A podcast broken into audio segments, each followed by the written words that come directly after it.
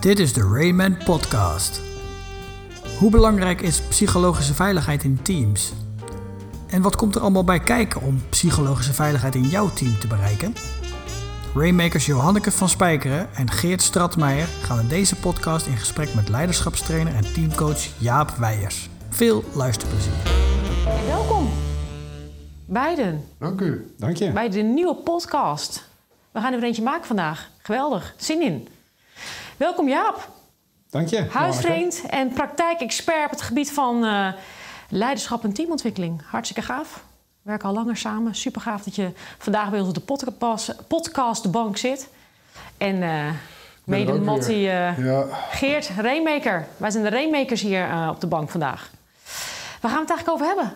We gaan het hebben over... Geert, waar gaan we het eigenlijk over hebben? iets met relaties, veiligheid, geloof ik. Vertrouwen? Vertrouwen In in teams? Daar gaan we het over hebben. Daar was jij een eh, praktijkexpert op. En wij eh, denken er ook wel iets van te weten. Maar eh, Gaan we nou echt, deze gaan we echt bullshit bingo doen vandaag? Ja. Ja, dan moet de psychologische veiligheid er even ingegooid oh worden. nou, dat kom is, maar door. nee, die zijn wel lekker hoor. Dat is altijd de kreet die als je, dat, als je die noemt bij organisaties en bij teams... dat ze zeggen, oh jee, moeten we in ons verleden gaan peuteren... en zo spannend is het allemaal niet. Maar eh, uiteindelijk is dat misschien wel waar het over gaat. Psychologische veiligheid. Precies, want het gaat er vaak over. Maar wij zeiden nog wel een beetje, hmm, is, het niet, is het niet soft geklets? Of eh, bestaat het eigenlijk wel echt? Ja. Ja, of zit het niet gewoon in jezelf? Moet je niet gewoon zelf beslissen of je je veilig voelt of niet? Dat is wel een stelling die ik vaak gebruik. We halen het zo van buiten. Hè. We zitten zo te zoeken naar, eh, naar die veiligheid van anderen. Terwijl uiteindelijk bepaal ik toch of ik me veilig voel, ja of nee. Het is toch bizar dat ik de macht daarvoor aan jou zou geven, Geert. Of aan jou, Johanneke. Zeker. Wat, hoe, hoe werkt dat dan? Jij- Jij wordt gevraagd door mensen in organisaties om eh, aan de veiligheid te werken. Nou, soms is dat. Het is nu wel iets meer een thema, denk dan vroeger. Als, je de, eh, ja, als je gewoon een beetje op de, de nieuwsapps eh, scrolt... dan zie je heel veel organisaties waar het gedoe is rondom werkklimaat... sociale veiligheid, psychologische veiligheid. Dus nu gaat het er wel iets meer over. Maar meestal zijn de vragen op het gebied van, van, van teamontwikkeling. We willen een team bouwen en hoe gaan we dat doen? Ik heb een nieuw team of een bestaand team. En dan komt dat thema van hè, die echte onderstroom... die komt natuurlijk wel snel op tafel.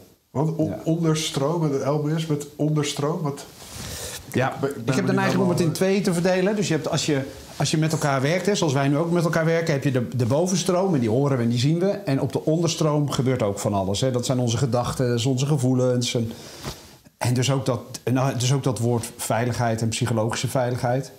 Maar voor En ik mensen, vind het leuk om in maar die voor mensen die het niet weten... kan je iets meer duiding geven aan wat... want wij voor ons zijn dat termen die we kennen, hè? bovenstroom, onderstroom. Mhm. Wat- Wat, als iemand dit luistert, wat moet ze zich voorstellen bij bovenstroom en onderstroom? Inhoud, werkwijze, procedures, bovenstroom. Dat is wat je ziet, hè? Waar gaan we voor, waar staan we voor? er staat op papier. Het staat vaak op papier. Kan je zien, kan je Ja. voelen. Ja, dat is Zichtbaar. bovenstroom. Onderstroom? Ja, onderstroom, eh, dat is de binnenwereld. Hè? Dat zijn die gevoelens die er zijn en die gedachten die we allemaal hebben... die we niet meteen op tafel leggen. Alles wat je niet ziet. Alles wat je niet... En dan heb je nog die snorkellaag en die gaat een beetje over...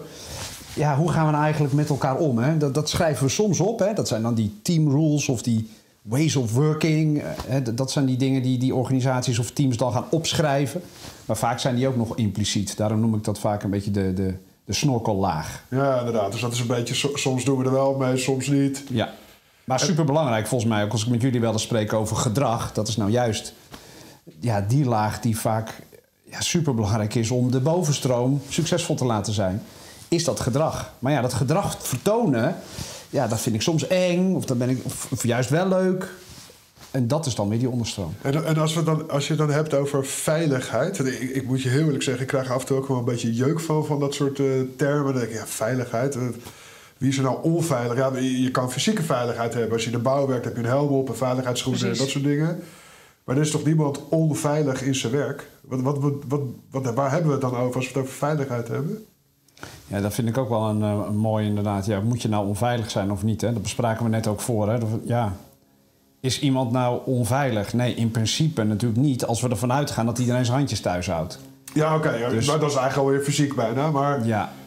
Dus, dus laat ik zeggen, daar heb ik geen verstand van. Van fysieke onveiligheid. nee, ik ook niet. Maar ik denk dat ik wel veel praktijkervaring en praktijkexpert ben op het gebied van, van die psychologische veiligheid, van die mentale veiligheid. Dus het gaat niet over, eh, over of ik eh, bang moet zijn dat iemand mij iets aandoet. En hoe zou jij dan psychologische veiligheid omschrijven? Wat, wat, wat, wat betekent dat voor jou in jouw werk? Ja, ik- dan wil ik het toch wat makkelijker en wat praktischer maken. Weet je, voel ik de ruimte? Voel ik me vertrouwd genoeg om, om te zeggen wat ik wil zeggen? Als ik het ergens mee oneens ben, durf ik dat dan te zeggen. Ja. Als iemand aan mij vraagt wat gebeurt er eigenlijk echt, kan ik daar een antwoord op geven? Of ga ik dingen denken als: oh jee, als ik dit zeg, dan gebeurt misschien dit? Of je, pas geleden zei iemand tegen mij van: nou, als je dit zegt binnen deze organisatie, eh, that's a career limiting move. Ja, denk ik, dat is voor mij een signaal van: nou, dat is niet heel veilig. Ah, oké. Ja, ja, ja. Dus het zijn ook de, de dingen, eigenlijk, een soort van de ongeschreven regels zitten er heel erg in verweven. Ja, En die bepalen welke mate van veiligheid er is of zo. ja misschien wel, ja. Dit mag je, dit, dit kan je hier niet zeggen en nou, dit is oké. Heb je daar invloed op misschien? Ja. Ja, zo zou ik het wel- wel. Maar en jullie dan? Hoe zien jullie dat? Ja, ja ik, eh, wij hebben het wel vaak over veiligheid en vertrouwen. Ik heb het er wel vaak over binnen het team, maar dat, dat gaat eigenlijk voornamelijk over. eh, in- inderdaad, eh, durf je het gedrag te laten. Dus die snorkellijf, vind ik een mooi omschrijving. Durf je dat te doen? Durf je dat te laten zien en kan dat ook daadwerkelijk? Dus als je met elkaar zegt van nou, we gaan elkaar open en eerlijk feedback geven.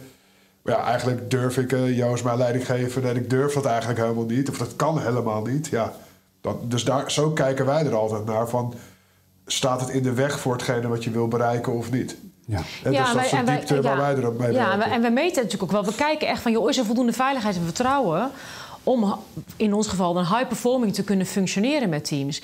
En het is wel eens zo dat blijkt dat, dat, dat er dus niet voldoende veiligheid en vertrouwen is. Dus wij, wij kijken daar wel degelijk naar, omdat wij heel goed weten... dat het een belangrijke voorwaarde is om succesvol en duurzaam te kunnen groeien als team. ja. Dus in die zin, ja, eh, eh, is het er wel degelijk. Alleen de vraag is natuurlijk wel, wat is het dan precies, hè? Maar En mag hoe- ik hem dan eens heel persoonlijk maken ook naar jullie? Wat heb jij nodig om, ongeacht de definitie, hè, maar wat heb jij nodig om je vertrouwd, veilig te voelen in je teamwerk? Geert? Ja, dat is een goede vraag. Wat heb ik daarvoor nodig? Eh, ik krijg bijvoorbeeld heel, ik krijg een veilig en een vertrouwd gevoel in, in, in ons team als ik eh, eh, weet dat ik kan, in autonomie kan acteren. Dus dat ik niet op de vingers getikt word, zeg maar, en dat ik niet continu binnen een bepaald kadertje word gehouden. Dat geeft mij het gevoel van hey, ze vertrouwen mij dat, en dat geeft me weer een gevoel van veiligheid. Ja. Ik, ik moet je heel eerlijk zeggen, ik heb me psychologisch nooit, nog nooit onveilig gevoeld in het team. Ja, het is misschien ook waar je het net over hebt. Dat, dat, ja, bepaal je dat niet zelf of niet? Ja, dat, dat weet ik niet. Dus ik, ik, kan ook, ik kan het ook alleen maar... Het, is denk ik ook heel moeilijk om aan te geven in organisaties eh, en in teams... van hé, hey, eh, eh, wanneer is het er? Je, je kan als buitenstaander denken... oh, dat is echt een super goed team en het ziet er allemaal heel erg goed uit. En, maar ondertussen kan het extreem op angst geregeerd zijn... en kan het heel onveilig zijn. Ja. Dus ik, ik, vind, ik, ik vind het ook altijd moeilijk om dan eh, ja, om dat, om dat aan te geven. Wat is dat dan precies? Ik kan, je, ik kan het wel zien als het er niet is. Dat kan je wel zien. Hè? Dat zie je een, Wat zie je dan? Ja, ja, precies. dan, dan- dan zie je samenwerkingen eh, waarin er veel gecontroleerd wordt, veel micromanagement eigenlijk plaatsvindt, toch? Dat, dat is voor mij altijd, als ik dat zie in een team, weet ik, ah, dan is hier geen baas voor veiligheid. Dat, dat, is, dat is wel wat je kan zien. En jij dan, Johanneke? Wat weet jij van jezelf? Nou, wat ik van mezelf weet, is, is, is deels wat hetzelfde wat jij zegt. Als ik mij het gevoel heb, dit is niet mijn plek... dan beweeg ik weg om te zorgen dat ik weer op een plek ben waar het voor mij oké is. Maar voor mij is veiligheid gaat veel meer over... eh, doet het toe wat ik doe? Kan ik, kan ik impact maken? En is dat oké voor de omgeving waar ik ben? Dan, dan ben ik vrij om te bewegen. Het is grappig hè, dat je toch al twee best wel een beetje vergelijkbaar, maar ook andere antwoorden krijgt. Ja. Volgens mij is het daarom ook zo'n, ik vind het daarom ook zo'n superboeiend onderwerp. Omdat gewoon het woord psychologische veiligheid, daar kunnen we niet echt opschrijven wat het voor iedereen betekent. Het is voor iedereen iets anders. Ja, Ik vind het bijvoorbeeld heel fijn dat jullie mij gewoon zien om wie ik ben. ja. En dat klinkt ook alweer een beetje vaag, maar ik, heb, het, ik heb het gevoel dat ik vind het fijn, ik voel me veilig als jullie mij oké vinden. Ongeacht wat ik doe, Ja. maar gewoon als mens. Ja, en hoe meet ik dat? Ja, dat is toch een beetje door je non-verbale gedrag, door je oogopslag. Of je me controleert, ja of nee. Dat is voor mij ook een hele belangrijke. Als ik veel Ja. controlevragen krijg, dan ga ik denken... joh, vertrouw je me niet of zo? Terwijl, dat is eigenlijk al een gekke gedachte. Want misschien stel je al die controlevragen wel... omdat jij behoefte hebt aan veiligheid. En dat betekent voor jou weten en controleren en comfort hebben uit die controle. Dus Ja. jouw gevoel van veiligheid wordt dan bevredigd en de mijne niet. Ja, maar daarbij maak je dus een duidelijk onderscheid tussen Jaap als persoon en Jaap wat hij doet. Ja. Ja, En als persoon wil ik mij veilig voelen, want dan kan ik in het doen een foutje maken. exact. Of een fout maken zelfs. Ja. Maar als ik Maar dat mij... doet dan dus niks met jouw gevoel van veiligheid. Nou, even wel. Even Want wel. het is makkelijk om het zo te bespreken nu we het niet meemaken. Maar onbewust, als ik een grote fout maak of een fout maak, onbewust schrik ik natuurlijk wel even van... Hé, hey, wacht even. Doe ik het wel goed? Doe ik er wel toe? Beteken ik wel iets? En dan zak je even naar beneden. Maar bewust, en daarom vind ik die stelling ook altijd wel interessant. Jij bepaalt hoe veilig je je voelt. Die macht moet je niet bij de ander neerleggen.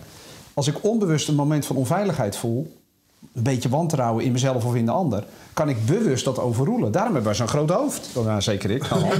maar weet je, daarom hebben we zo'n groot brein, omdat we die stap kunnen maken van onbewust naar bewust. Maar je- Maar nog even hierop doorgaand, hè? want als je zegt van... ehm, je maakt een scheiding tussen zeg maar, hè, jou als persoon en wat je doet. Maar als je nou in het wat je doet zeg maar, een hele grote fout maakt... maar je wordt daarop aangesproken en hè, in de persoon is het oké...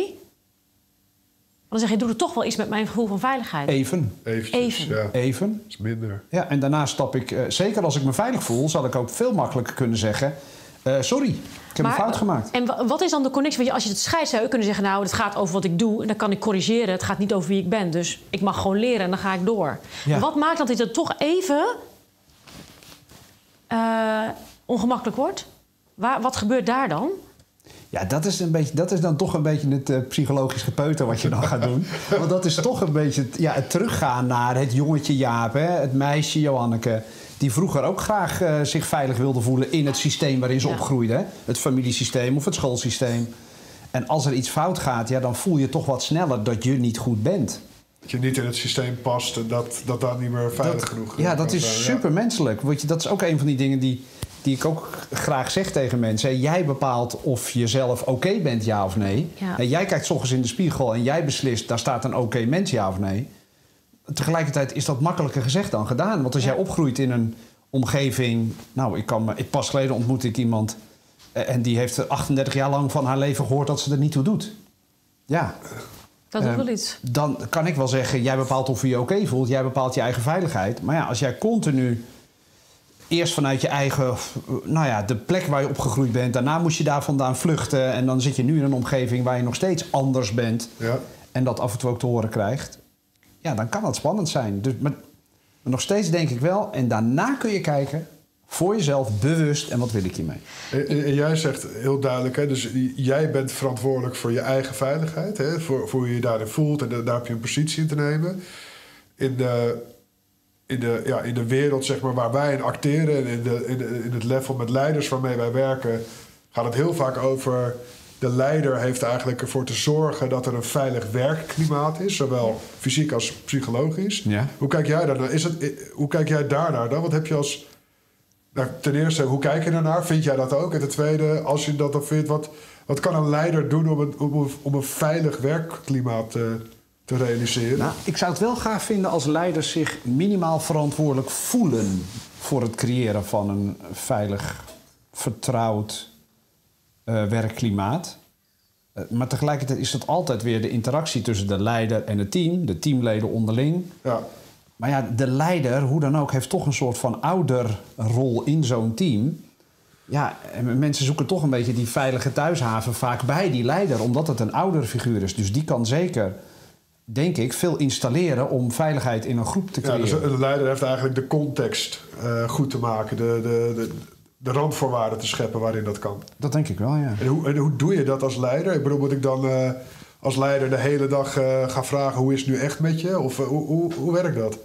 Nou, ik zou het niet de hele dag doen. Ik zou, ook even, ik zou ook even kijken bij wie dat wel en niet aankomt. Hè? Want de een vindt het leuker en belangrijker om daarover te praten dan de ander. Hè? Er zijn ook gewoon mensen die het gewoon prettig vinden om gewoon naar hun werk te komen, een klus te klaren en dan weer weg te gaan. En niet te veel van dat soort softe gepraat te hebben. Dus ik denk dat je daarop moet letten. Ja, wat leiders kunnen doen is in ieder geval zorgen dat, bijvoorbeeld, zorgen dat we voorzichtig zijn in een team met veel oordelen over elkaar en naar elkaar en over dingen uitspreken. Want weet je, veel oordeelsvorming in een team verlaagt die veiligheid vaak. Net als praten over elkaar. Moet je echt proberen als leider om het ook zelf niet te doen. Dus laat je niet verleiden als leider om als we even met elkaar zitten te praten, wij tweeën en Johanneke eens even, om toch een beetje over Johanneke te hebben. Ja, ja. Want jij gaat dan denken, en wacht even, als ik dadelijk weg ben, doet hij dus ook. En daarmee creëer je toch een sfeer van Dus ja, lagere veiligheid. Dus dat is eigenlijk voorbeeldgedrag in, in wat veiligheid is. Ja. Kunnen ze doen. Ze kunnen ervoor zorgen dat het een soort van oké is om het, om het erover te hebben, maar ook weer niet. Je moet niet de hele dag uh, Kumbaya my Lord gaan zingen met z'n allen, Nee. dat is ook weer niet eh, nodig. En bijvoorbeeld eh, zoiets als, eh, weet ik veel, ik, ik kan me voorstellen, eh, als je als leider veel complimenten geeft aan je mensen, dat, eh, werkt dat ook goed? Of, eh, Ja, dat vind ik ook een heel leuk thema, complimenten geven. Ja, soms werkt het superveiligheidsverlagend. Pas op, verlagend? pas op met complimenten geven, kan veiligheidsverlagend werken. Als je ze niet meent of zo? Of, eh, Nou ja, sowieso is je ze niet meent. Maar laten we er in ieder geval van uitgaan, laten we het van het goede uitgaan dat het compliment gemeend wordt. Maar als jij bijvoorbeeld heel resultaatgericht bent en je gaat complimenten maken op resultaat van je medewerkers, dan kan dat heel spannend overkomen. Want dan zeg je eigenlijk, je hebt het nu heel goed gedaan, je hebt nu een 9 gehaald en ik verwacht de volgende keer weer een 9 van je. Ja, dat kan mij wel een beetje bang maken als medewerker. Ah, je, je zet eigenlijk, je, raise the bar en dat is vanaf dat moment eh, het minimum wat je moet gaan halen. Precies. Dus zelfs positieve oordelen kunnen negatief werken op de veiligheid. Kunnen, hè, zeg ik. Kunnen. Want sommige mensen vinden het juist fijn om continu mega uitgedaagd te worden om van die 9 9,1 te maken. Maar ik denk wel dat dat sommig is. Ik denk dat. eh, ik weet van mezelf ook, als ik wel eens eh, voor een nieuwe groep begin en ik, en ik werk dan met een manager, een directeur of, of een leider waar ik vaker mee heb gewerkt. Als die bij de intro mij net even te positief neerzet, en zeker op hè, Jaap heeft toen dit met ons team gedaan, heeft dat bereikt, dan voel ik spanning. En Dan dat vind ik wel een beetje lekker, maar ik heb liever dat hij zegt: Jaap is betrokken, is enthousiast, zal altijd zijn stinkende best doen, want dat kan ik kopiëren. Ja. En dus complimenten op hoe ik dingen doe, Ah. ja, die moet je heel veel doen. Maar complimenten op wat ik bereikt heb, kijk maar naar kinderen. Als je kind eh, ooit een keer een A heeft gehaald voor een CITO-toets, de kans is heel groot dat hij de keer daarna het veel spannender vindt. Want ja, die A, daar kreeg ik zoveel complimenten voor thuis. Ik moet weer een A halen. Ja. Dus eigenlijk zeg je als leider zijn geef complimenten of positieve oordelen zijn het eigenlijk op eh, hetgene wat, wat je laat zien, dus op het gedrag. En niet zozeer op het, ja, je mag ook wel zeggen goed gedaan, het resultaat is mooi, maar dat, daar zit eigenlijk veel sneller een lading op voor mensen. Ja, en alles in balans natuurlijk. Ja, exact, natuurlijk. Maar, Maar, maar om er toch eens gewoon eh, toch eens goed over na te denken, ga eens uit van de stelling: doe maar geen complimenten meer op resultaat. exact. En natuurlijk een beetje in balans, maar begin daar eens mee. Want dan, ga, dan moet je ook echt zoeken naar, maar welk gedrag, hè? welke, ja, wat iemand in het proces heeft gedaan, kan ik dan zo waarderen. En, en daar wel compliment. Dat kan een leider denk ik doen. Weet je wat een leider volgens mij ook echt kan doen? En dat is gewoon eh, ook een beetje een gekke misschien, maar eh, gewoon af en toe eens een keer sorry zeggen voor iets wat hij verpest heeft. Iedereen doet Hoezo? dingen verkeerd. Gewoon af en toe een keer zeggen sorry. Wel alleen als je het meent en wel alleen als je daarna er ook iets aan wil veranderen. Anders kun je beter om vergiffenis vragen en zeggen: ja, dit hoort nou eenmaal bij me. Ik ben al eenmaal af en toe een beetje horkerig en minder eh, mensgericht. Maar af en toe een keer sorry zeggen. Daarmee installeer je ook in een groep dat het oké is om een fout te maken. Ja, al die teammanagers en al die bazen die zeggen: ja, fouten maken mag. Totdat het gebeurt. Wat Ja, gebeurt er ja. dan? Exact. Dat vind ik vaak heel interessant om dan ook te kijken. En als ik zelf een fout maak en ik word erop aangesproken door een medewerker, durf ik dan te zeggen: Ja, dat heb ik niet goed gedaan. Sorry, ik ga proberen dat beter te doen. En eigenlijk zet je daarmee ook neer dat, dat gevoel wat ik al eerder probeerde te zeggen, dat die mindset eigenlijk, hoe we naar elkaar kijken, van ik ben oké en jij bent oké. Als we zo naar elkaar kunnen kijken, ongeacht wat ik doe, Ja. maar gewoon echt kijken van, ja, als mens ben je oké. En misschien dat de samenwerking nu even niet goed gaat of de productie niet goed gaat. Maar ik ben oké, jij bent oké. En als ik dat echt vind, kan ik ook makkelijker Ja. een keer sorry zeggen. En, wat, en als je nou kijkt naar, hè, eh, dit is heel erg sterk de rol van de leider. Ja? Wat is hier in de rol ook van het team? Stel je voor, de leider is daar wat minder makkelijk in, maar team is hier wel heel erg sterk mee bezig. Werkt het dan of is het voorwaardelijk dat de leider daar echt een soort van basis in neerzet? Dat Wil woord je? voorwaardelijk is interessant. Ehm, ik, ja, ik, ik wil, ja, als ik ja nee moet zeggen, ga ik ja zeggen. Ja is voorwaardelijk. Ja. Want, want? Ja, voordoen is nadoen. Eh, de leider heeft de ouderrol. Eh, zonder dat hij ouder is. Maar is wel een soort ouderfiguur voor de medewerkers. Dus ik vind het dan wel leuk om de stelling te nemen. Ja, en natuurlijk ook weer een beetje genuanceerd naar kijken. Altijd. Maar Ja. ja. Ja. ja, als de leider het niet doet, wordt, het wel, wordt de kans wel heel klein dat de medewerkers het gaan doen. ja, dus als een leider het niet doet, dus niet de toon zet, om maar even zo te zeggen. hoef je dan niets te verwachten van een team? Of kunnen ze ook wel een soort van iets creëren? Of is Nou, dan heb je er wel echt een paar tussen nodig, denk ik hoor. Die lef hebben. Die, Die echt lef. lef nodig hebben en zeggen van... eh, ongeacht wat de leider doet, ik wil in een leuk team werken. Of ongeacht wat de leider doet, ik bepaal of ik mij veilig voel, ja of nee. Heb je informeel leiders nodig eigenlijk in het team, Ja. denk ik. dan Ja, heb je misschien ook de dus- mensen nodig die durven te zeggen... ik bepaal mijn eigen level Ja, van exact. veiligheid. Ja, volgens mij zit om daar- weer terug te komen op wat je straks Er zei. zitten een Ja. aantal autonome rakkers in die gewoon Exact. zeggen eh, over zelf organiserende teams bijvoorbeeld. Die zeggen, mijn, de leider bepaalt niet of ik veilig ben. We ja. fixen het, ja. Maar om jouw woord te pakken, hè, zo'n zo'n zo'n autonome rakker... als die in een team werkt met een leider die dus, laten we zeggen... onveilig gedrag zelf vertoont... ja, die is weg. ik wou net zeggen, Dus die is vraag is of hij beleid, de vraag is Ja, of hij zijn best gaat doen. Want die gaat denken, voor zo'n leider Ga ik wil ik niet werken. werken. Of voor zo'n dat- collega wil ik niet werken. Dus ik weet niet of, ik, ik weet niet of dat gaat werken. Nee, dus dat zou alleen werken als je inderdaad in, in zelfsturende teams werkt... Waar, je, waar een leider heel ver op afstand staat... maar eigenlijk nagenoeg geen invloed heeft behalve kaders. Ik noem maar even wat. Dan heb je eigenlijk informele leiders die zullen opstaan... Ja, en die dan eigenlijk dan bepalen. Dat is ook een interessante. Zelfsturende teams Precies. en sociale veiligheid. Ja. Ja. Want dan komt het helemaal neer op de medewerkers. En dan moeten we ook de bovenstroom niet vergeten, vind ik. Zeker bij zelfsturende teams moeten we de bovenstroom, dus de inhoud van het werk, echt meenemen. Misschien ook wel bij alle teams, hè, want we zitten nu bijna alleen maar over de onderstroom te praten. Maar de bovenstroom moet ook besproken worden. Wat doet hij aan de veiligheid dan? Wat doet hij aan... eh, Nou, nou, als het voor mij niet duidelijk is waar we voor gaan en waar we voor staan, hoe kan ik me dan veilig in mijn rol voelen? Als het voor mij niet duidelijk is wat jouw taak is en hoe wij het spreekwoordelijke stokje aan elkaar overgeven, Ja. Dan wordt het wel lastiger om mij veilig te voelen. Maar als ik mij niet vertrouwd en veilig voel in het team, dan durf ik daar misschien minder om te vragen. Dus het is wel ja, een soort van ja, balancing act tussen die twee stromen. Het is niet alleen maar de een, niet alleen maar de ander. Maar begint het bij één? Van de twee? Ja, dat is een leuke vraag. Soms begin ik bij de bovenstroom, missie, visie, strategie en gaan we naar onder. Meestal vanaf onder naar boven. Ik, het kan waarschijnlijk allebei wel, maar mijn hobby zit wel wat meer in die onderkant. Dus ik begin liever aan de onderkant. Ik zie het vaker goed gaan als we onderin beginnen. Ja? Ja. ja. Dus eigenlijk zeg je, je, moet, je hebt een basis van veiligheid en vertrouwen nodig... wil je kunnen werken aan de bovenstroom. ja. En is daar een soort van basisniveau? Zeg, oké, dit, dit moet er minimaal zijn. Wil het effectief zijn? Kun je dat meten? Of zo, of niet? Oh ja, lekker. Willen jullie weten, hè? Ja, dat zou Ja, zijn. ja. wel weten. kunnen meten, maken we een vragenlijstje. En ja, er zijn natuurlijk heel veel, er zijn natuurlijk heel veel organisaties die dat doen. Die gaan vragenlijstjes maken om de psychologische veiligheid te meten. Ja, ik weet het niet. Ik, ik hou daar niet van. Ik vind dat juist, als je het nou hebt over psycholo psychologische veiligheid verlagend... heerlijk, al die 360 graden feedback vragenlijsten in de organisatie. Kap daar eens mee.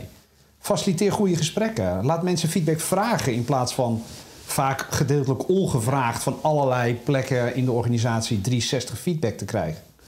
Daar ben ik nogal kritisch op. Nou moet ik oppassen dat ik niet te hard oordeel, maar... eh, Maar is het dan heel- een soort van onderbuikgevoel dat je zegt... oké, ik werk met de groep en op een bepaald moment hè, vo- voer ik het goede dialoog... Ja? En dan herken je dingen of herken je patronen. En denk je, oké, dit, is, dit heeft een zekere, een voldoende mate van veiligheid, dus we kunnen door.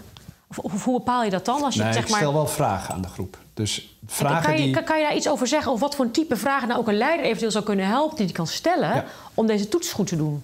Ja, ik heb daar drie vragen voor. De ene vraag is, hoe veilig en vertrouwd voel jij je in dit team? De tweede vraag is, hoe veilig en vertrouwd voel jij je in deze organisatie? En de derde vraag is, hoe veilig en vertrouwd voel jij je met jezelf? En dat zijn drie vragen. Als mensen daarover gaan nadenken en dat ook eerst maar eens hè, als een dokter gaan, eh, gaan scoren. De dokter vraagt tegenwoordig ook altijd hoeveel pijn heb je op een schaal van 1 tot 10. Ja. Nou, deze vragen ook. Hoe veilig en vertrouwd voel jij je in dit team? Op een schaal van 1 tot 10. Dan laat je mensen een cijfer geven. Hou het lekker bij zichzelf als, als je bang bent dat ze dat misschien nog niet willen delen. En als je die drie cijfers hebt gedaan, dan kun je vragen aan, aan je medewerker, maar ook in het team, welke van die getallen valt je eigenlijk op over jezelf? En dan krijg je een gesprek over psychologische veiligheid. Maar dat noemen we dan natuurlijk niet zo, dat noem ik dan een binnenwereldgesprek.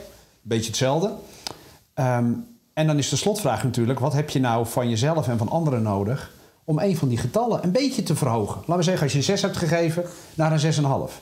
En dan krijg je gesprekken over behoeftes, over verwachtingen. Zo kun je het faciliteren. Ik denk ook als één op één leider. Dat kun, deze drie vragen kun je één op één aan je medewerkers stellen. Maar ik vind het natuurlijk leuk om ze in een team te stellen. En mensen dan in tweetallen of drietallen daarover te gaan laten nadenken. En dan hopelijk terug in de groep te laten komen. En echt te gaan uitspreken wat ik nodig heb om mijn binnenwereld zich nog veiliger te laten voelen, is dit. En het zijn best spannende vragen. Ja, het is ook geen makkelijk onderwerp. Nee. Ja. En hoe, want ik kan me voorstellen dat het misschien ook wel eens dat dat, dat, dat, dat een beetje op gang gebracht moet worden als je dat zeg maar zo out of the blue vraagt. Dat misschien mensen dat best lastig vinden. Geef je dan nog een bepaalde bedding aan? Of hoe, hoe bouw je zoiets op om te komen dat, dat je zeg maar dat mensen de bereidheid hebben om daar een eerlijk antwoord op te geven? Ja, dat is toch iets. Ja, eerst iets creëren in het begin van het werken met zo'n team. Ook toen ik zelf leider was van een team. Ja, je moet eerst toch iets van een klein vertrouwensbandje opbouwen voordat je zo'n vraag eh, neer kan leggen, denk ik. Maar ja, ja ik stel ze meestal ergens. eh, einde van de ochtend, dan kan het vaak wel. eh. Ik kan me ook voorstellen dat heel veel mensen denken... joh, ik heb hier zo geen zin in. Ga ik ergens anders zijn met je huis, tuin en keuken, psychologie, joh. Ja, Ja. toch? Ja.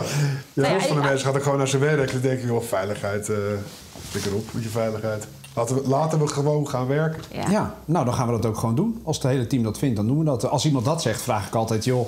En de rest van het team, hoe kijken jullie hiernaar? Want dat mag, dat mag wat mij betreft ook echt Ja. je, je stelling zijn. Je hoeft niet met mij te werken hoor. Nee, Ook- ik zou, nee, maar het, niet, het gaat dan ook niet specifiek om jou. Maar ik kan me ook wel voor... Ik zit me zo voorstellen hoe dat dan werkt is in een grote organisatie. Kijk, wij zijn natuurlijk... Wij zijn allemaal vakidioten. Wij vinden het hartstikke leuk. In grote organisaties waar het gewoon om gaat van... eh, draai je, je, je KPI's en haal je je omzet en doe je je sales target. Ik noem maar eventjes wat. Weet je, wa- wa- waarom zou een bedrijf hier eigenlijk überhaupt mee bezig zijn? Nou, dat vind ik een supergoeie vraag. Want dat vind ik zelf ook. Ik kom wel eens bij teams en dan denk ik... gaan we het nou weer over de binnenwereld Ja. hebben? Gaan we het nou weer over de onderstroom hebben?